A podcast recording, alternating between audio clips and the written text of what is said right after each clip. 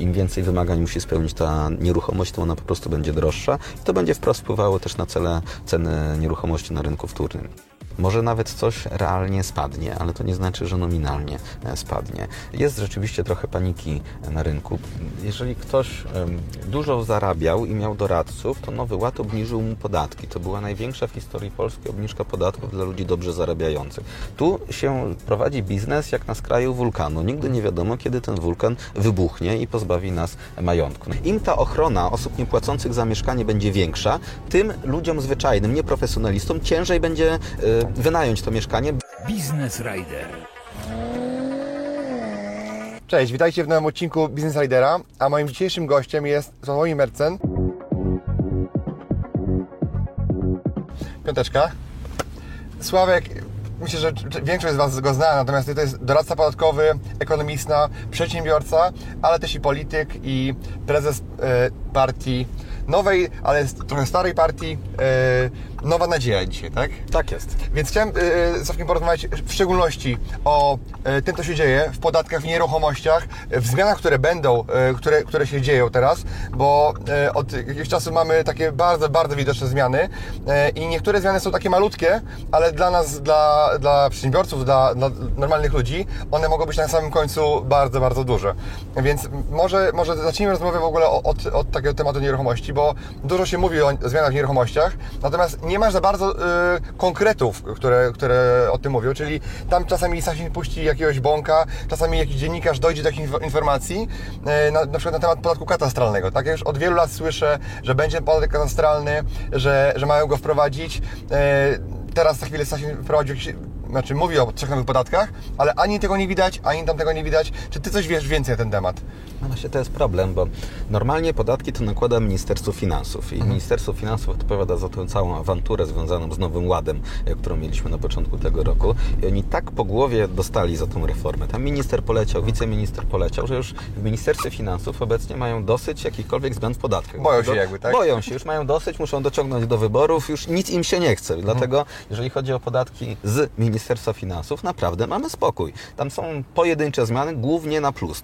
Teraz są zmiany na plus. No niestety za zmianę w podatkach wziął się Sasin z Ministerstwa Aktywów e, Państwowych, który jeszcze po głowie za podatki to nie dostał e, i zachciało mu się nas opodatkowywać. Ten pierwszy jego bardzo znany e, pomysł to był podatek od nadmiarowych zysków, że chcieli pod koniec roku wprowadzić podatek obowiązujący od początku roku, że jak ktoś za dużo zarabia, to mu połowę tego zabierzemy. I do tego są w jest w planach jakieś trzy podatki dotyczące nieruchomości. Jakiś podatek od pustostanów na przykład, czy jakiś, zdaje się, odpowiednik podatku katastralnego. Natomiast szczegółów nie znamy. Ja tam mam jakieś dojście, ale w Ministerstwie Finansów niestety u Sasina nie ma, więc szczegółów na pewno nie mam. Oni dużo mówią o tym, że, że ludzie mają mieszkania i ich nie wynajmują. To sprzedają w przestrzeni publicznej jako, że są te wielkie fundusze, które wykupują całe bloki i następnie nie chcą na nich zarabiać, więc trzymają je puste. Ja z chęcią bym zobaczył taki pusty blok, który ktoś Albo kupił. taki, nie fu- kupił. albo taki fundusz. Bo, Albo bo, taki fundusz, który tak. mówię swoi, mówi swoim udziałowcom, my nie chcemy zarabiać pieniędzy, my mamy wielki blok, ale nikomu go oczywiście e, nie wynajmiemy, bo jeszcze byśmy za dużo zarobili. zarobili. Chciałbym taki fundusz zobaczyć, natomiast Morawiecki chyba je widział, bo ciągle o nich mówi. A prawda jest taka, że rzeczywiście są puste mieszkania w Polsce, ale to są albo mieszkania w zasobie komunalnym, należące do samorządów i samorządy się nimi nie zajmują. Bo są w złym stanie i Dokładnie. Kosztuje, żeby trzeba, je trzeba by je w, w nie zainwestować, wyremontować. To kosztuje pieniądze e, i pracę e, ludzi i samorządom się tego nie chce robić. I czasem rzeczywiście ktoś odziedziczy mieszkanie albo, albo dostanie i boi się go na przykład wynająć, bo jak teraz się komuś wynajmie mieszkanie, to można tego mieszkania już nie odzyskać. Tak przepisy są skonstruowane. Więc rzeczywiście istnieją pojedyncze wolne mieszkania, ale raczej w rękach ludzi prywatnych, bo firmy jak mają jakiś majątek, to starają się na nich zarabiać. Więc jeżeli ten podatek od pustostanów wejdzie, to to będzie sprzedawane ludziom, że to próbują opodatkować wielkie fundusze, które tutaj kupują całe bloki, a tak naprawdę zapłacą e, go ludzie, którzy na przykład odziedziczyli po babci mieszkanie, którego chwilowo nie potrzebują, a boją się go wynająć, bo albo ktoś im zniszczy i nie będą mieli pieniędzy na remont, albo boją się, że ktoś wynajmie i nie będzie chciał się stamtąd wyprowadzić, a przestanie płacić. Tak. W Polsce jest, jest taka szczególna sytuacja, że z jednej strony jest mnóstwo mitów na temat wynajmu, że to ci zaraz zniszczy, ukradnie i tak dalej. Z drugiej strony prawo jest takie, które y, nie wspiera własności prywatnej, tylko wspiera czasami y, tego najemcę, ale z trzeciej strony, jeżeli ktoś jest profesjonalistą i wie jak to robić y, i wie jak się tym boże, to może wynajmować. Jest mnóstwo osób, które wynajmują z, sukcesem i nie ma problemu, bo wie jak to robić, a nie wynajmuje bez umowy pierwszej lepszej osobie, bez sprawdzenia, czy ta osoba jest wypłacalna, czy nie. Więc mamy takie dzisiaj taki dysonans, że że i jest tak, jak mówisz, jakby, że, że, że jest, z strony jest jakby cały rynek najmu. To jest w ogóle bardzo ważny wątek, pozwól, że go, e, że go rozwinę. E, jeżeli ktoś ma dobrze skonstruowane umowy, jeżeli ktoś dobrze weryfikuje tych najemców, to jest w stanie w miarę bezpiecznie nieruchomości wynajmować. Natomiast dla osób prywatnych jest to ciężkie. I teraz im ta ochrona osób niepłacących za mieszkanie będzie większa, tym ludziom zwyczajnym, nieprofesjonalistom ciężej będzie e, wynająć to mieszkanie, bardziej będą się tego bali, ale z drugiej strony ludziom, którzy chcą od kogoś wynająć mieszkanie, bo chcą się przeprowadzić do dużego miasta, na przykład chcą znaleźć lepszą pracę, czy chcą się przeprowadzić na studia i potrzebują jakiegoś mieszkania, trudniej będzie coś takiego wynająć, bo mniej osób będzie chciało im wynajmować mieszkania. W Hiszpanii, gdzie jest bardzo daleko posunięta ochrona lokatorów, tam można wyjechać na wakacje, wrócić z wakacji i się dowiedzieć, że ktoś się wprowadził do Twojego mieszkania i nie móc go wyrzucić. Tam procedura wynajmu jest prawie, wygląda prawie tak, jak u nas procedura wzięcia kredytu hipotecznego. Pokazuje się zaświadczenie o dochodach, sprawdza się, czy ktoś ma zdolność do wynajmowania mieszkań, dokładnie jak u nas, żeby zdolność do wzięcia kredytu. I ktoś taki, kto będzie chciał się z prowincji przeprowadzić do dużego miasta, nie przejdzie takiej procedury. W związku z czym te wszystkie przepisy broniące osób niepłacących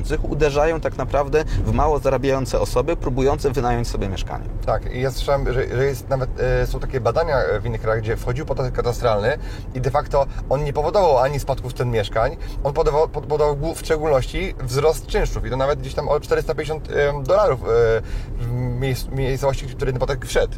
Więc de facto płaci e, za to ci, którzy, których nie stać na mieszkania, albo którzy nie chcą mieć z jakiegoś powodu mieszkania, a muszą je wynająć, więc de facto ten podatek traci, pośrednio bije w najbiedniejszych. Tak, tego rodzaju podatki właśnie katastralne są całkowicie przerzucane na najemców. Jeżeli ktoś, nie wiem, wynajmuje lokal na sklep czy na biuro, to zawsze tam ma waloryzację o, o inflację, czy właśnie doliczoną wysokość mhm. podatku od nieruchomości. To jest po prostu przerzucane. Więc jeżeli ktoś myśli, że jeżeli się bardziej opodatkuje posiadaczy nieruchomości, to oni na tym stracą, to jest nieprawda. Stracą ci, którzy tych nieruchomości nie mają, natomiast ich potrzebują, dlatego je wynajmują. Tak, dzisiaj mamy duży popyt i, widać, że ceny y, ostatni rok ros, rosły tych mieszkań, y, mało jest mieszkań.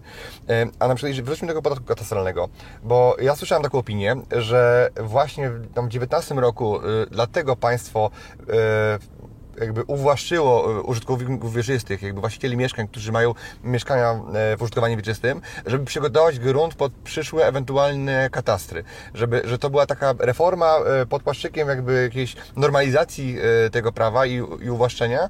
Dali im tę własność za, za, z bonifikatami po to właśnie, żeby mieć jednolity system i móc charge'ować za, za rok, za, za, za trzy, jak to wszystko będzie uporządkowane, właśnie pod kataster. To w ogóle by mnie to nie zdziwiło, bo żeby wprowadzić prowadzić kataster, to państwo musi się do tego bardzo dobrze przygotować. Musi mieć skatalogowane te nieruchomości, musi mieć odpowiednie rejestry, no ludzie muszą mieć też własność i takich kroków powolutku zbliżających nas do wprowadzenia podatku katastralnego to było wiele. Ja, do, ja jeszcze niedawno myślałem, że tym, co powstrzyma polityków przed wprowadzeniem podatku katastralnego, to jest e, opinia publiczna. W Polsce dużo ludzi ma mieszkania. Gdyby wprowadzić taki normalny podatek katastralny, w którym ktoś płaci podatek od wartości swojego mieszkania, to kto byłby na tym najbardziej stratny? No właściciele mieszkań, które do tej pory miały dużą powierzchnię i dużą wartość przede mhm. wszystkim, bo obecny podatek jest od powierzchni, a tamten będzie od wartości. Czyli na przykład ci wszyscy emeryci mający mieszkanie na starówkach w centrach miast, które mają bardzo e, dużą e, wartość, to by na tym stracili. I dopiero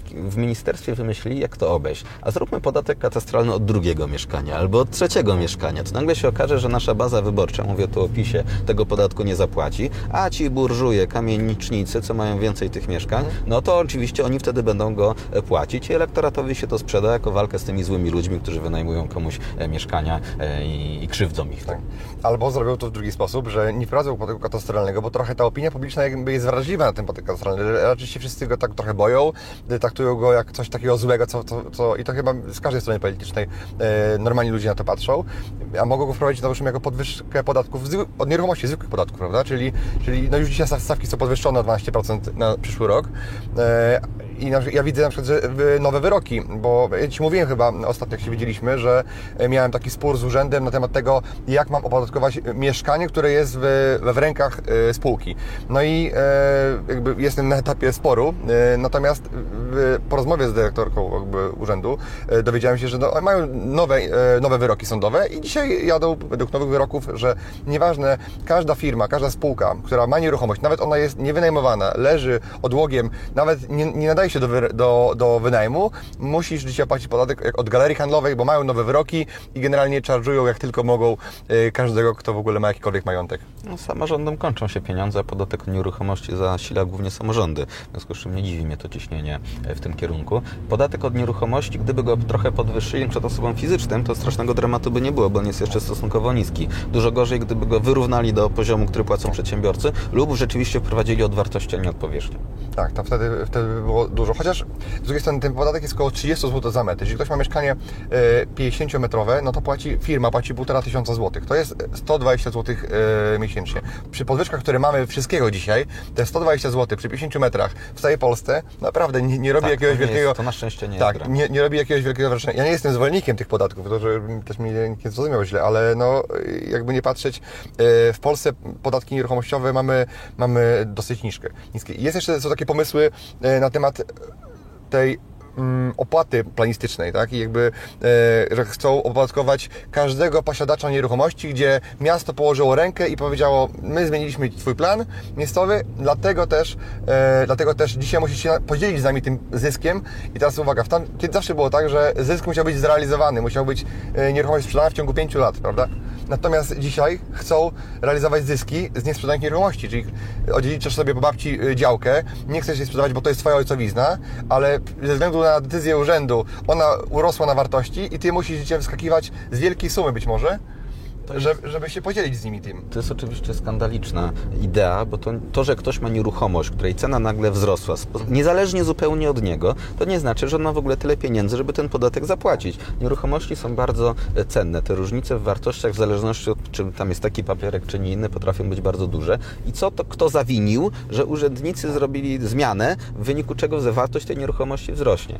Rozumiem, gdyby ktoś sprzedał tą nieruchomość, zarobił na tym, no mamy w Polsce podatki dochodowe, ale jeżeli on tego nie sprzedaje, no to w Stanach jest taki pomysł przecież, że płaci podatek od niezrealizowanych e, zysków, że ktoś kupił akcje, cena akcji urosła, on ich nie sprzedał, to od samego wzrostu ceny należy zapłacić podatek. No to bardzo zły kierunek, nie idźmy w tym kierunku. Jeżeli już są podatki dochodowe, to od rzeczywistego dochodu, a nie od tego, e, co komu wyjdzie, że niby zarobił, ale tak naprawdę nie zarobił, bo złotówki na koncie nie zobaczył. A skąd pieniądze na zapłatę tego Tak. podatku? E, No stąd, że za chwilę, jak nie ma tych pieniędzy, to go zlicytują, egzekwują, sprzedadzą tą, działkę, nieruchomość na licytacji i po prostu sobie wezmą jak, jak swoje. Więc to jest takie wywłaszczenie trochę.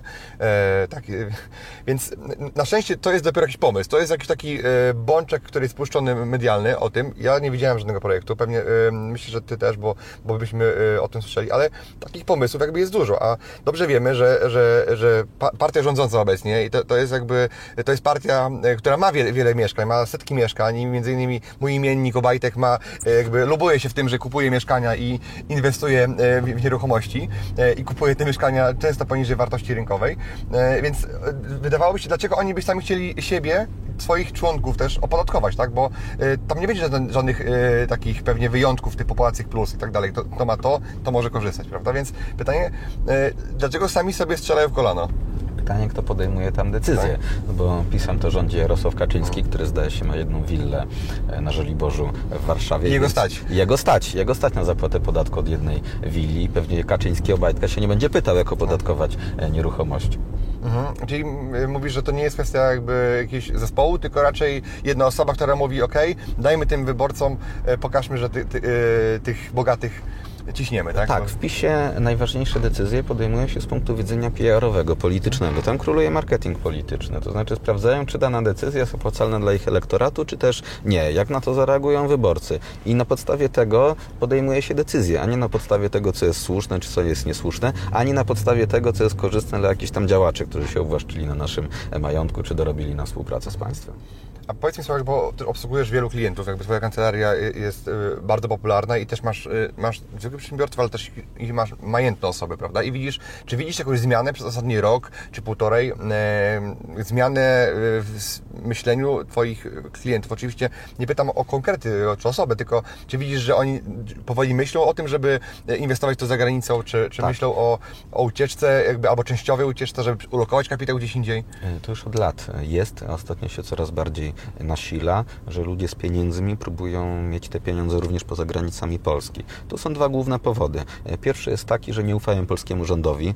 Na, oglądali się daniny solidarnościowe, tej składki zdrowotnej, czy wcześniej exit taxu, teraz podatku od nadmiarowych zysków. Tu się prowadzi biznes jak na skraju wulkanu. Nigdy nie wiadomo, kiedy ten wulkan wybuchnie i pozbawi nas majątku. No jeżeli poważny przedsiębiorca, ostatnio z takim rozmawiałem, przychody grubo, grubo powyżej miliarda złotych, czy patrzy w telewizji, że Sasin chce mu opodatkować jego dochody z pierwszej połowy roku, które on już coś zainwestował wstecz i 50% chcą mu tego zabrać, to się łapie na za głowę, w jakim kraju on żyje, w jakim kraju on prowadzi biznes. Ta niestabilność jest tutaj straszna. W związku z czym boją się polskiego rządu, nie chcą być dalej przez PiS łupieni. Z drugiej strony no, mamy trochę niezależne oczywiście od polskiego e, rządu sytuację za naszą wschodnią granicą, czyli wojnę Rosji z Ukrainą i to rzeczywiście niedobrze jest mieć cały majątek i niedobrze jest mieć wszystkie swoje aktywa w miejscu, w którym zaraz mogą być leje po bombach. Nie jest to dla wielu osób zbyt komfortowe, stąd niektórzy przenoszą swój majątek za granicę. E, bardzo popularne są chociażby mieszkania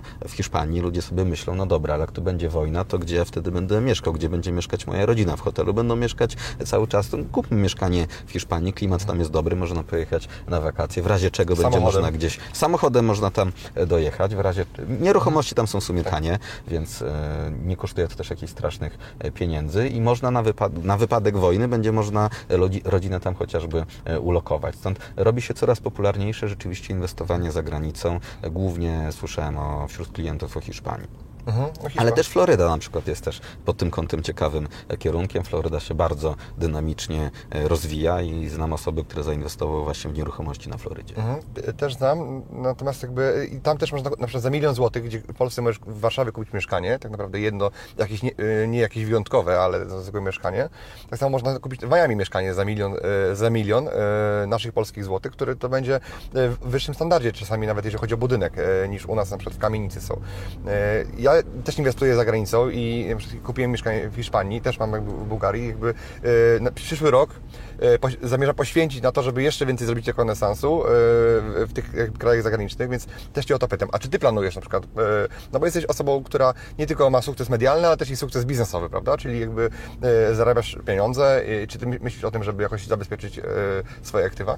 Nie. Ja z wielu przyczyn wszystko lokuję w Polsce. Takim rezerwę taką załóżmy na wypadek najgorszy, e, to mam w kryptowalutach. Natomiast e, sobie postanowiłem, że nie będę kupował nieruchomości za granicą.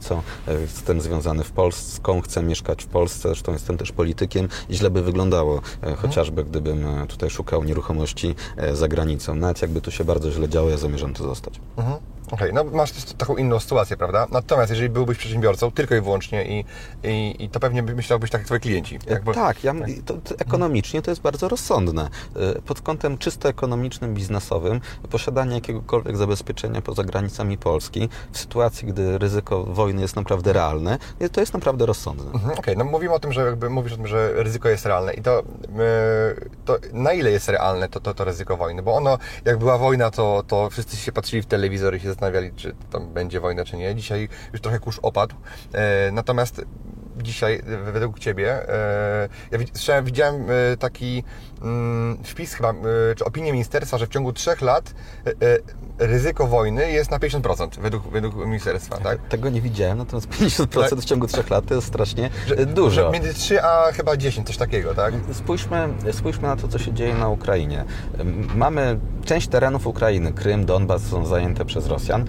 Co jakiś czas pojawia się kolejna kontrofersywa ukraińska. Teraz, co by się musiało wydarzyć, żeby ta wojna się zakończyła, żebyśmy mieli e, spokój? No to załóżmy, że Ukra Ukraina wygra, tak? Odbije Krym, odbije Donbas. Co powstrzyma Rosję przed dalszym wysyłaniem rakiet na Ukrainę, przed niszczeniem elektrowni, infrastruktury krytycznej czy, czy mieszkań? No nie, więc nie wydaje mi się, żeby samo odbicie terytoriów swoich przez Ukrainę zakończyło ten konflikt. Z drugiej strony, czy Ukraina zamierza oddać Krym i Donbas? Też nie zamierza. Więc ja w tym momencie ja tu nie widzę w ogóle warunków do zawarcia e, pokoju, bo Rosjanie tego nie oddadzą i Ukraińcy tego nie oddadzą. Któraś strona musi odpuścić, a odpuści tylko wtedy, kiedy będzie w bardzo złej e, sytuacji. Rosjanie coraz bardziej przestawiają się na produkcję e, wojenną, e, mają tą mobilizację. Ja tu nie jestem przekonany, że Ukraina tę wojnę wygra, chociaż bardzo bym chciał, żeby Ukraina tę wojnę wygrała. A jeżeli Rosjanie wygrają z Ukrainą, no to ten konflikt się może rozlać na nasze tereny. Więc ta jest źle, jest ryzykownie i ja się zgadzam, że w ciągu najbliższych kilku lat jest nierealne,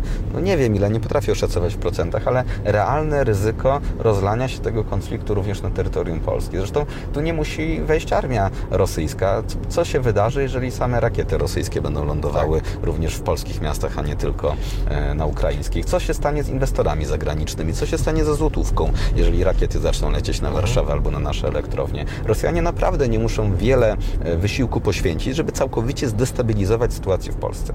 E, ja mam taki przesłank, jak spadły te rakiety w Polsce, to za kilka dni miał przyjechać do, do Polski inwestor, który miał zainwestować jedną z moich startupów i to mhm. przy wycenie e, dwudziestu kilku milionów złotych miał zainwestować milion euro i trochę się zastanawialiśmy z wspólnikami, bo my tu jesteśmy, tu żyjemy, czy on de facto się nie wystraszy tej bomby i, i nie przyje i powie, że sorry chłopaki, ale e, dzisiaj jest zbyt ryzykownie dla mnie. Nie, przyjechał, e, jakby e, dogadaliśmy się, bo okazało się, że ta rakieta to, to, to, to nie było nic groźnego, ale faktycznie e, nie, nie zamierzałem o tym rozmawiać, o wojnie. Natomiast powiedz mi, jak Ty sobie wyobrażasz taką sytuację, że na przykład no, jest to ryzyko, coś się dzieje, jest jakiś front w jakimś mieście, jest, jakieś miasto jest ostrzeliwane. E, jak myślisz, jakby wyglądał życie w Polsce wtedy i, i biznes? No bo no, świat się nie zatrzyma nagle, on jest tak rozpędzony, że no, świat się zatrzymał się w covid ludzie siedzieli w domach, ale za chwilę, za chwilę wyszli, prawda? I jak, jak to by się wydaje, czy to będzie tak było e, te 80 lat temu, że wojna była i, i ludzie dalej żyli, pracowali, jedli, e, czy, oczywiście, że ludzie będą dalej żyli e, i pracowali. Na Ukrainie również e, ludzie pracują, natomiast gospodarczo jest to całkowita e, katastrofa.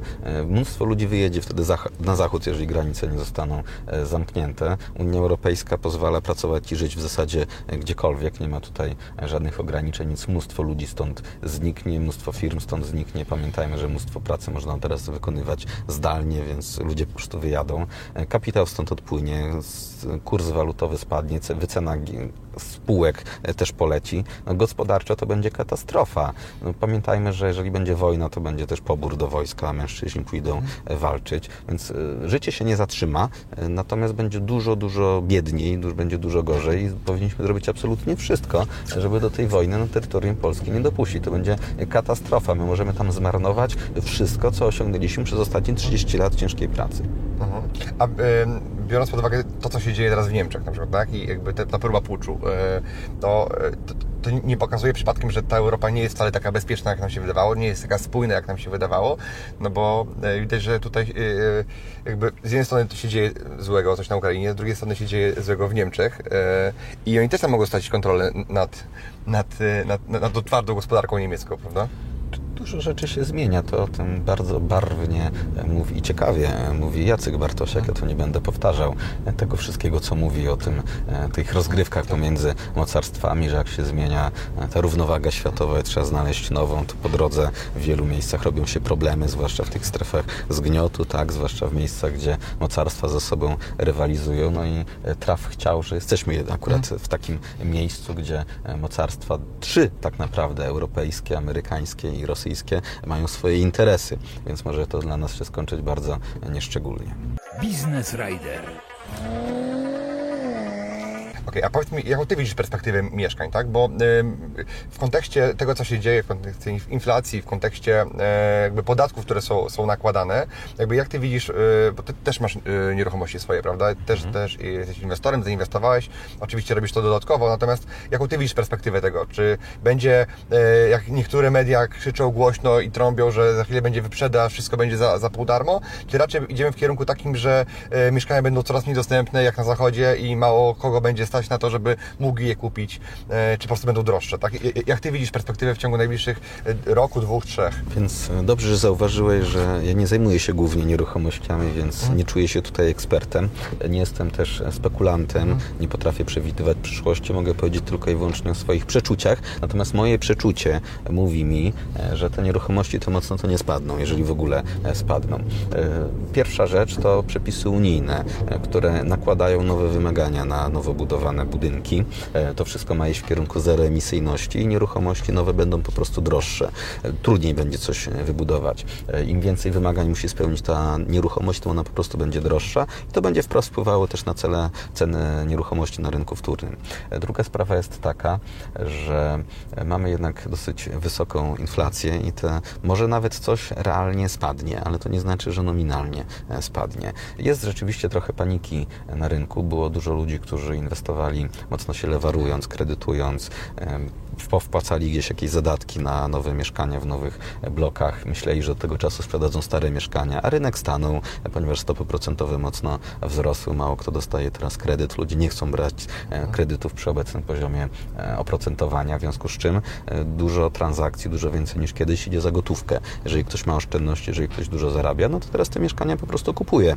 Natomiast jeżeli ktoś myślał, żeby inwestować na kredyt, żeby właśnie się lewarować, no to teraz może mocno zbiednieć i rzeczywiście są ludzie, którzy szykują się na takie okazje, żeby e, kupować od tych fliperów, którym nie wyszło e, te nieruchomości. I pytanie, jak bardzo masowe jest to zjawisko. Wydaje mi się, że w skali całego rynku nieruchomości w Polsce to, to nie masowe, więc będą pojedyncze tragedie, pojedynczy ludzie stracą majątek, zbankrutują na tym, ale nie wydaje mi się, żeby to miało istotny wpływ na cały rynek nieruchomości. Raczej nie będzie tak, że na każdym, e, tu, co, co drugim oknie będzie napisane sprzedam, chcecie pozbyć tego i albo na każdym domu będzie ta, taka tabliczka na sprzedaż, tak?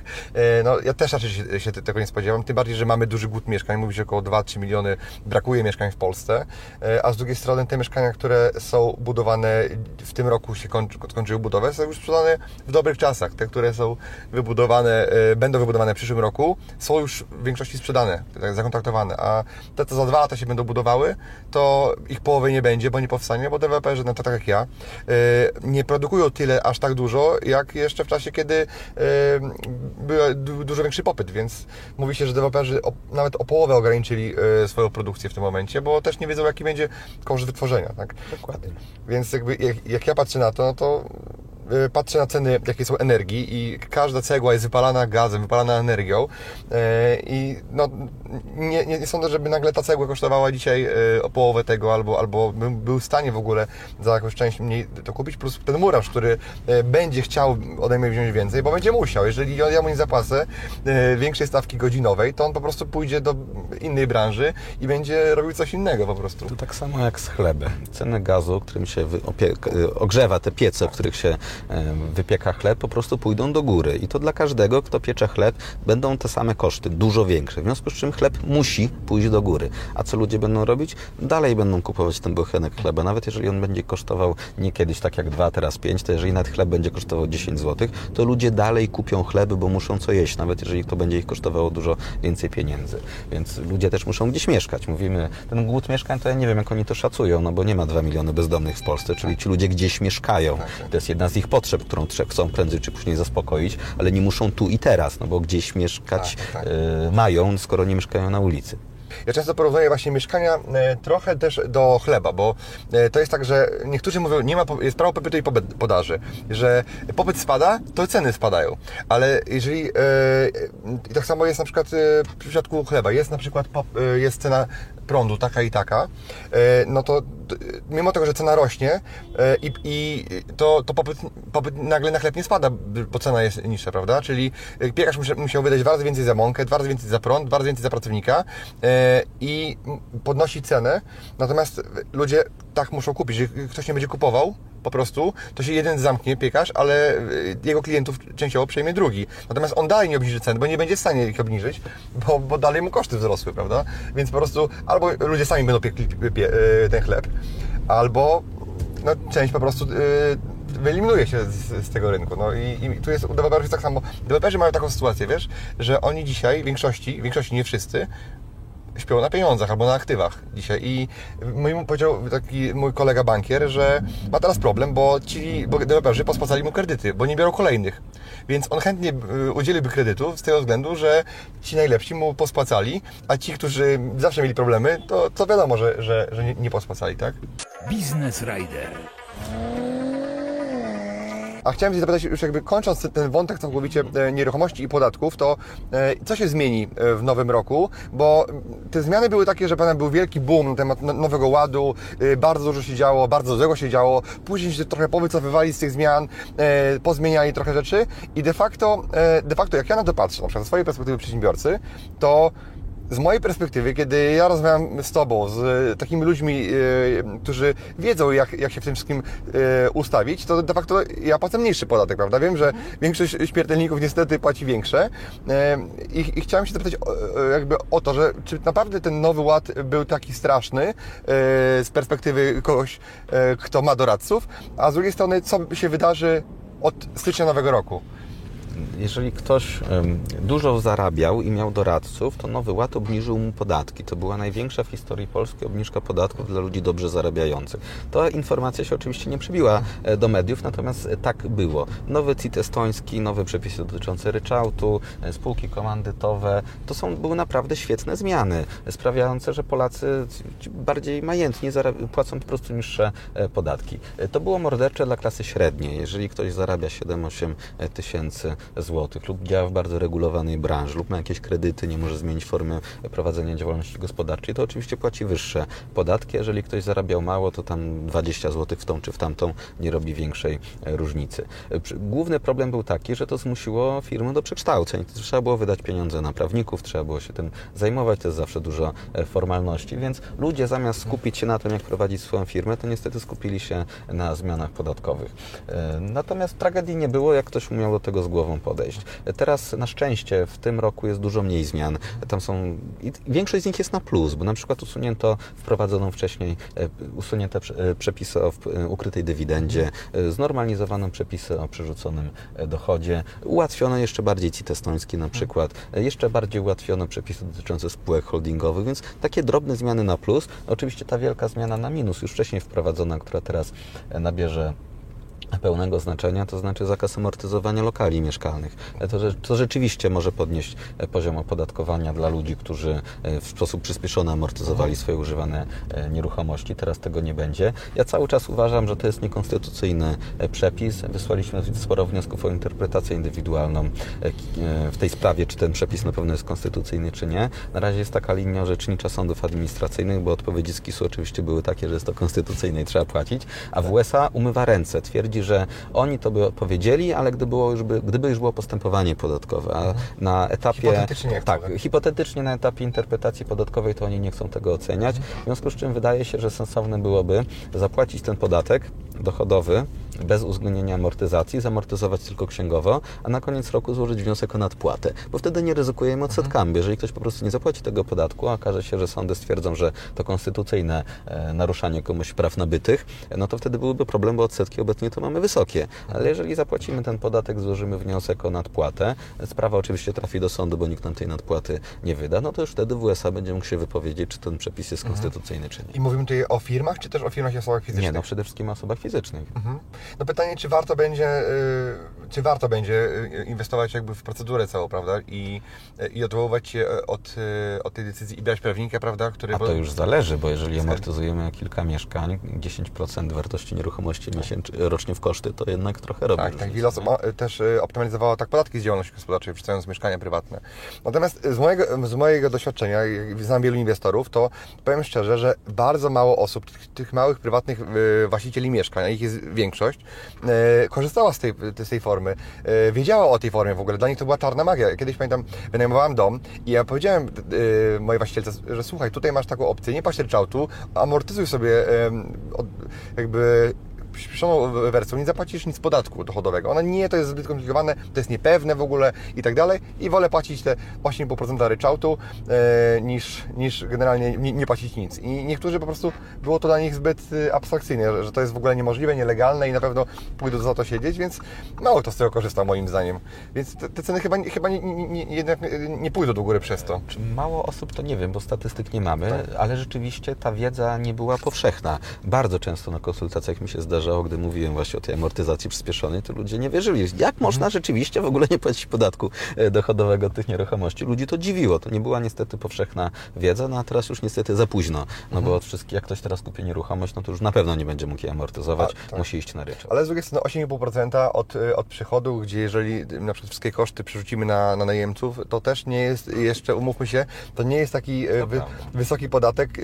Ja uważam, że jakby trzeba je płacić, no bo jakby, jakby nie patrzeć, jak najmniejszy, ale, ale trzeba, bo y, to coś tam za te podatki jednak jest. To, to jest dużo pozostawia do życzenia, natomiast jakby no, mamy to wojsko, jakie mamy, policję mamy i ja na przykład czuję się bezpiecznie, prawda? Tutaj w Polsce pod kątem, y, pod kątem karnych rzeczy, prawda? Takich, y, gdzie w, Europie Zachodniej no, jest dużo gorzej niż u nas. Pomijając oczywiście sytuację zewnętrzną, to jeżeli chodzi o bezpieczeństwo wewnętrzne, to Polska jest jednym z bezpieczniejszych miejsc do życia w Europie. Na to, naprawdę, na to naprawdę nie mamy prawa narzekać. Chciałem się zapytać Ciebie, czy do, przez te no, rok zmieniło się wiele, prawda? I w polityce, i w podatkach, i, i w ogóle w nastrojach. Czy Ty zmieniłeś coś jakby w swojej strategii, y, bo otworzyłeś też y, pub czy bar, prawda?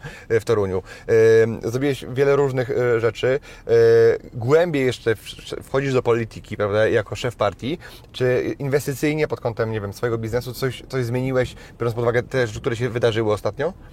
Raczej nie. E, To znaczy przez ten rok raczej nastawiałem się, przygotowywałem się do tego, że będę musiał się w roku wyborczym dużo bardziej zająć polityką, więc robiłem takie zmiany w firmie, żeby jak najmniej rzeczy zależało ode mnie. To znaczy uczyłem ludzi radzić sobie beze mnie i przygotowywać ich na to, że będzie mi po prostu trochę mniej i to była główna rzecz, którą musiałem robić e, w tym roku. Natomiast lekcja dla wszystkich zupełnie oczywista jest taka, że e, sytuacja jest niezwykle dynamiczna i zmienna, więc warto być ostrożnym, e, bo nigdy nie wiadomo, co się wydarzy.